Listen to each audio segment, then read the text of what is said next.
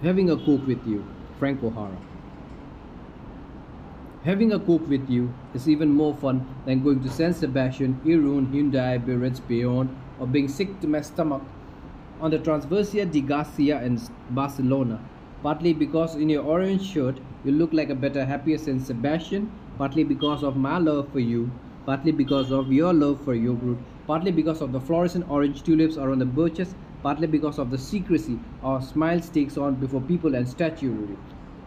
It is hard to believe when I am with you that there can be anything as still, as solemn, as unpleasantly definitive as statuary when in right front of it, in the warm New York 4 o'clock light, we are drifting back and forth between each other's each other like a tree breathing through its spectacles. And the portrait show seems to have no faces in it all, just paint. You suddenly wonder why in the world anyone ever did them.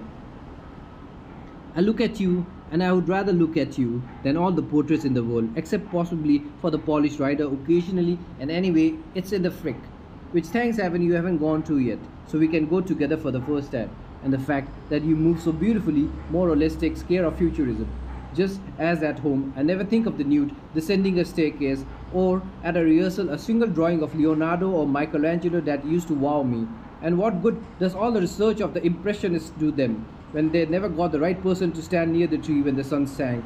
Or for that matter, Marino Marini when he didn't pick the rider as carefully as the horse.